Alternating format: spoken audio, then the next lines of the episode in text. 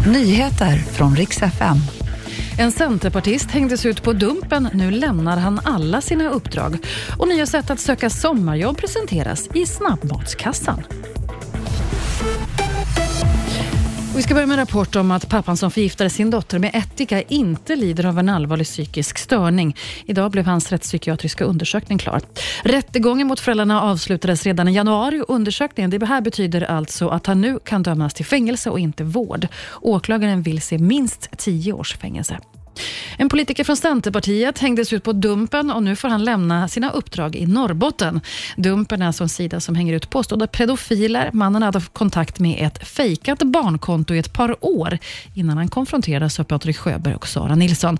Mannen är inte dömd för någonting, men han lämnar nu partiet med omedelbar verkan.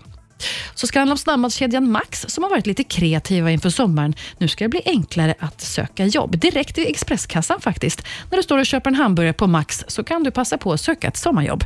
Inget CV eller personligt brev krävs utan du svarar på frågor direkt i automaten. Det här testar de nu i utvalda butiker fram till 1 maj. Och Det var nyheterna. Jag heter Maria Granström.